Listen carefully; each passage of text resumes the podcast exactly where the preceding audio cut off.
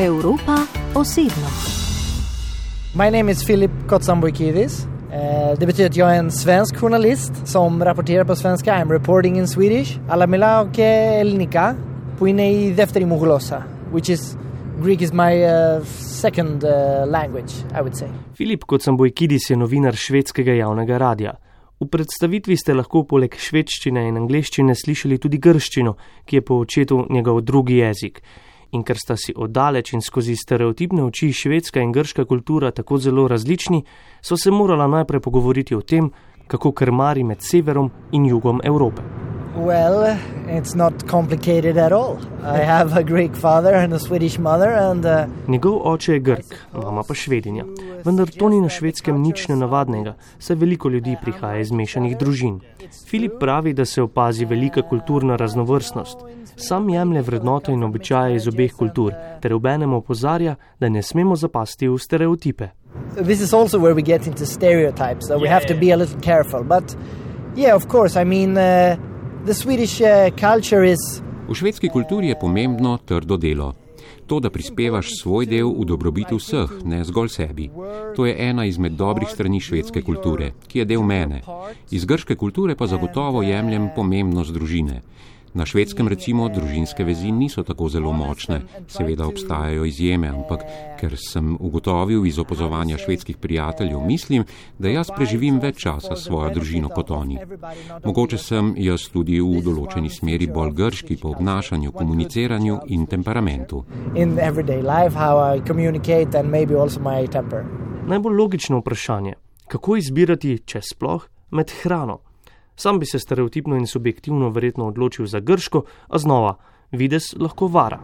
Hard to choose. I like both, honestly. Uh, yeah, Swedish food is very good.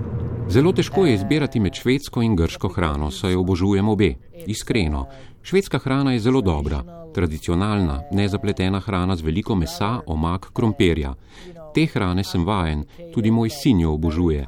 Ampak seveda tudi grška hrana je zame zelo pomembna. Ves čas moram imeti doma pet litrski kozarec olivnega olja in feta sir. Poleg tega pa sem zelo vajen jesti kruh poleg vsakega obroka. To je zelo grško oziroma južnoevropsko ali balkansko, kakorkoli že to poimenujete. Na švedskem tega ne počno. Kruh se je v sendviču ali z maslom, zagotovo pa ne v isti količini kot Grki. to the same extent as they do in uh, Greece, and, and uh, I also do this.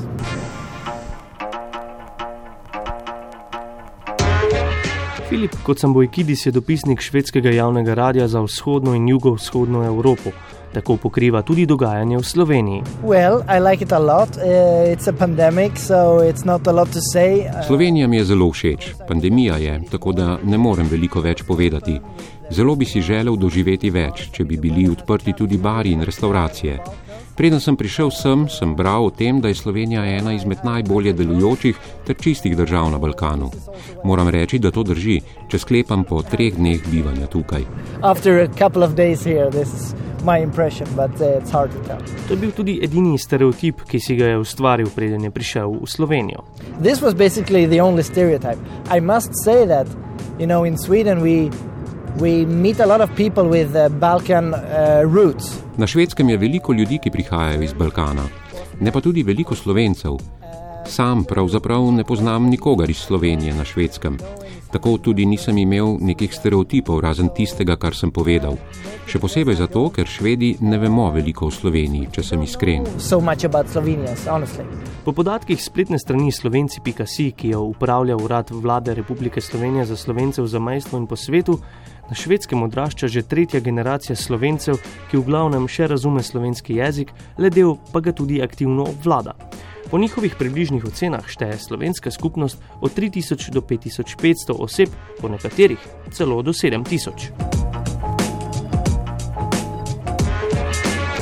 A nazaj k Filipu. V zadnjem letu in pol je Švedska po svetu dobila posebno oznako, predvsem v povezavi z reševanjem epidemije v njihovi državi, zato se temu nismo mogli izogniti. We, we, became uh, famous or infamous during the, uh, the pandemic Think... Med pandemijo smo postali slavni in neslavni. Del našega ogleda je nekoliko nepravilno razumljen. Razmere so res zelo različne na švedskem kot druge. Pri nas imamo priporočila in ne strogih zakonov ali ukrepov. To je zaradi švedskega sistema vladanja. Recimo, delamo od doma, kar je priporočilo. Sam sem doma že od marca lani. Ohranjamo razdaljo, kar je očitno. Če tudi prej zabave niso bile prepovedane, kar zdaj so, so bile strogo odsvetovane. In zato je bil nek družben pritisk v švedski družbi tako močan, da so se tega mnogi vzdržali. Zdi se mi, da ljudje na švedskem priporočilo poslušajo, ne vsi seveda, ampak večinoma veliko bolj kot drugi. Rezultat je v tem, da je bilo obnašanje na švedskem približno podobno državam s strogim zaprtjem. Mi imamo zgolj drugo metodo. Uh, po podatkih Svetovne zdravstvene organizacije je bilo med 3. januarjem 2020 in 16. majem letos potrjenih nekaj več kot milijon primerov COVID-19 umrlo je 14.275 ljudi. Glede na število smrti na 100.000 prebivalcev, jih po istih podatkih to uvršča na 33. mesto na svetu, Slovenija je na desetem. Tako imenovani švedski model je vzbujal pozornost predvsem zaradi nošenja mask.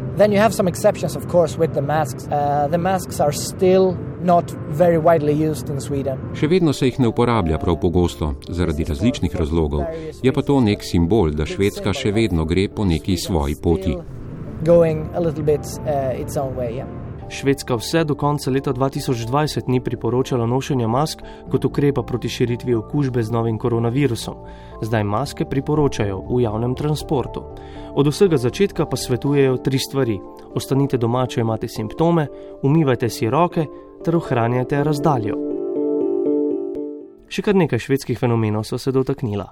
Najprej opevana švedska država blaginje, ki po Filipovem mnenju še vedno deluje. It, it Um, Deluje, ampak obstaja tveganje, da bo socialna država izgubila zaupanje med ljudmi.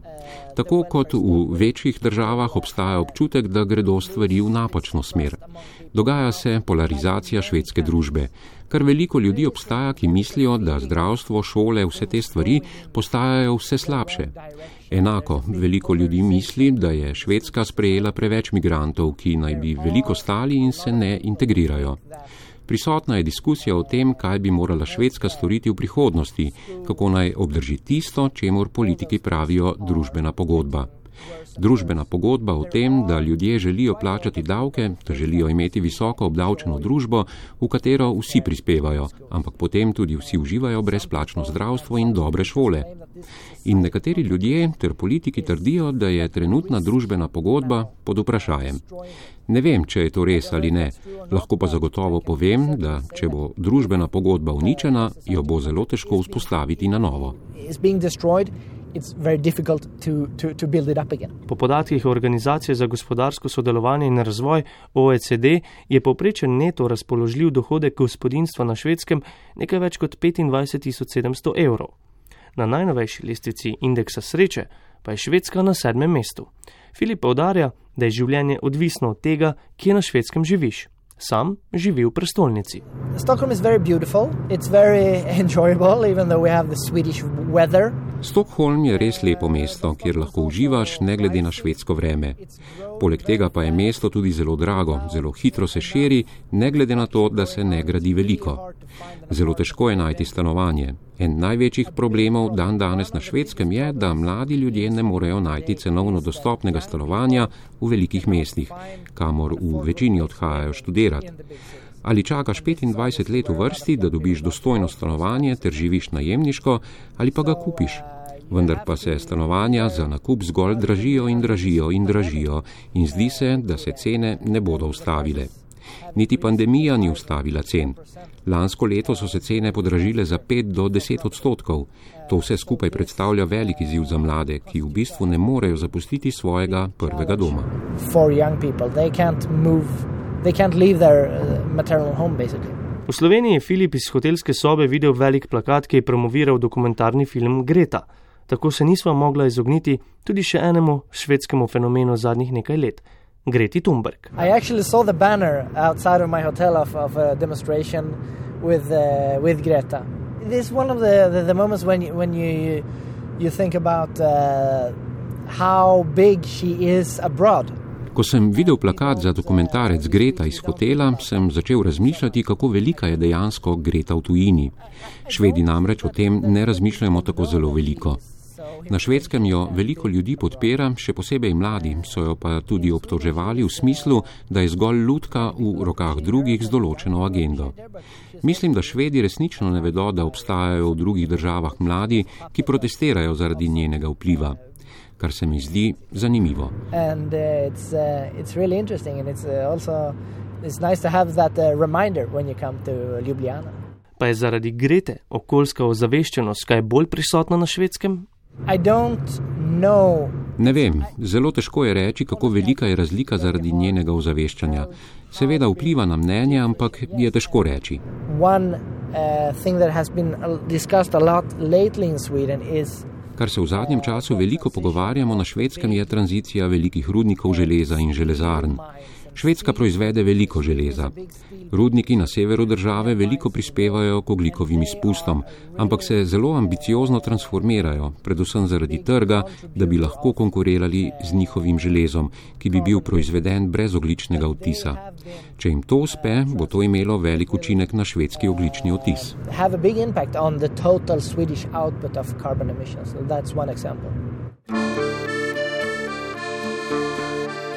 Filip je v Slovenijo med drugim prišel tudi zaradi trenutnih razmer v slovenskih medijih. Sam dobro pozna razmere v medijih na Balkanu, Mačarskem in tudi v Turčiji. Kot novinar se trenutno počuti varno.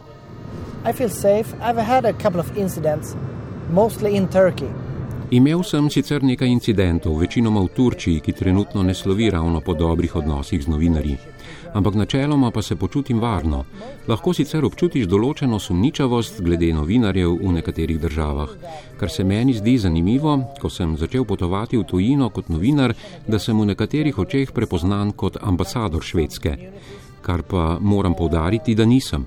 Sem neodvisen novinar, ki ne delam za švedsko vlado, ne zanima me promocija švedske, ampak v nekaterih državah me prepoznajo kot točno takega. In to lahko ima posledice, dobre in slabe. Ko sem šel naprimer v Izrael, je v tistem obdobju Švedska imela slabe odnose z Izraelom, ker je naš zunanji minister kritiziral Izrael, bilo je tudi nekaj poročil o antisemitizmu. Zato je veliko ljudi negativno reagiralo, ko sem jim povedal, da sem novinar švedske, saj so mislili, da sem sovražno nastrojen proti Izraelu. Dogaja pa se tudi obratno. Če gremo v državo, ki ima dobre odnose s Švedsko, v Bosno in Hercegovino, naprimer, ljudje so zelo veseli, ko slišijo, da sem šved, obravnavajo me mogoče bolje, kot če bi bil katere druge nacionalnosti. Takih zgodb je veliko in to se mi zdi res zanimivo, saj sem zgolj posameznik in ne predstavnik države. I am a, I am a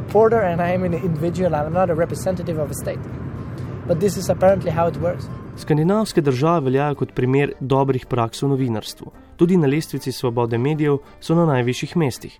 Švedska je na tretjem, za Finsko in Norveško. Očitno je, da obstaja razlika v ravni zaupanja, ki ga imajo ljudje pri novinarjih. Ampak to ne zadeva zgolj novinarjev, to je povezano tudi z zaupanjem institucijam v družbi in nasplošno. Raven zaupanja institucijam na švedskem je visoko. Raven zaupanja švedskemu javnemu radiju in televiziji je tudi zelo visoko. Nahaja se nekje med 80 in 85 odstotki odobravanja. Tako visokega zaupanja nima veliko institucij, niti na švedskem. I'm learning more and more actually about how it's uh, in the Balkans, Vedno bolj spoznavam, kako je na Balkanu, v Grčiji, na Mačarskem, kjer so novinarji obravnavani kot figure z agendo ali levo ali desno. Obstaja zato velika razlika, nažalost. Želel bi si, da bi tako tukaj kot na Balkanu bilo novinarstvo sprejeto kot objektiven poklic, kjer novinar ni napaden zaradi svojega dela. Vedno lahko argumentiraš glede zaključkov in izpostavitve dejstev, ampak ne napadaj novinarja, niti ga treba videti kot politično figuro, če to ni.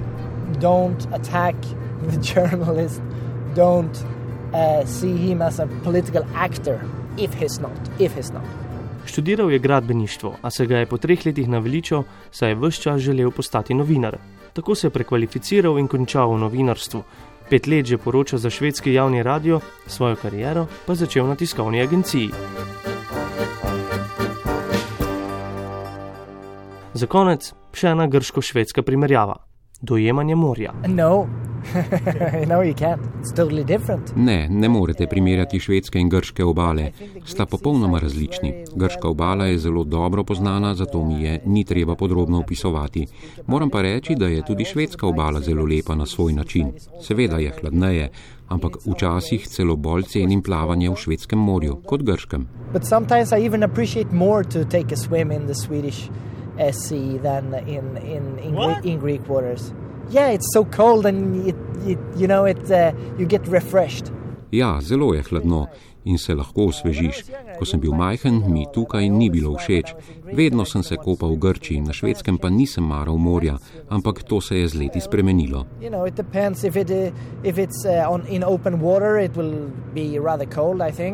Filip pravi, da se temperatura giblje nekje od 18 na odprtem morju in tudi do 25 stopinj Celzija v kakšnem zalivu. We have another problem though uh, with uh, the the Baltic Sea. Imamo sicer nekaj težav z Balskim morjem, ker je precej umazano.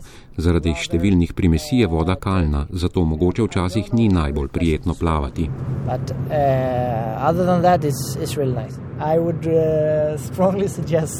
to the listeners try to go to Sweden and go to the archipelago and travel between the islands and also take a swim. A Filip, kot sem Bojkidis, vseeno poslušalcem priporoča, da če se odpravijo na Švedsko, obiščejo Stokholmski arhipelag, potujejo med otoki ter zaplavajo v Baltskem morju. Evropa osebno.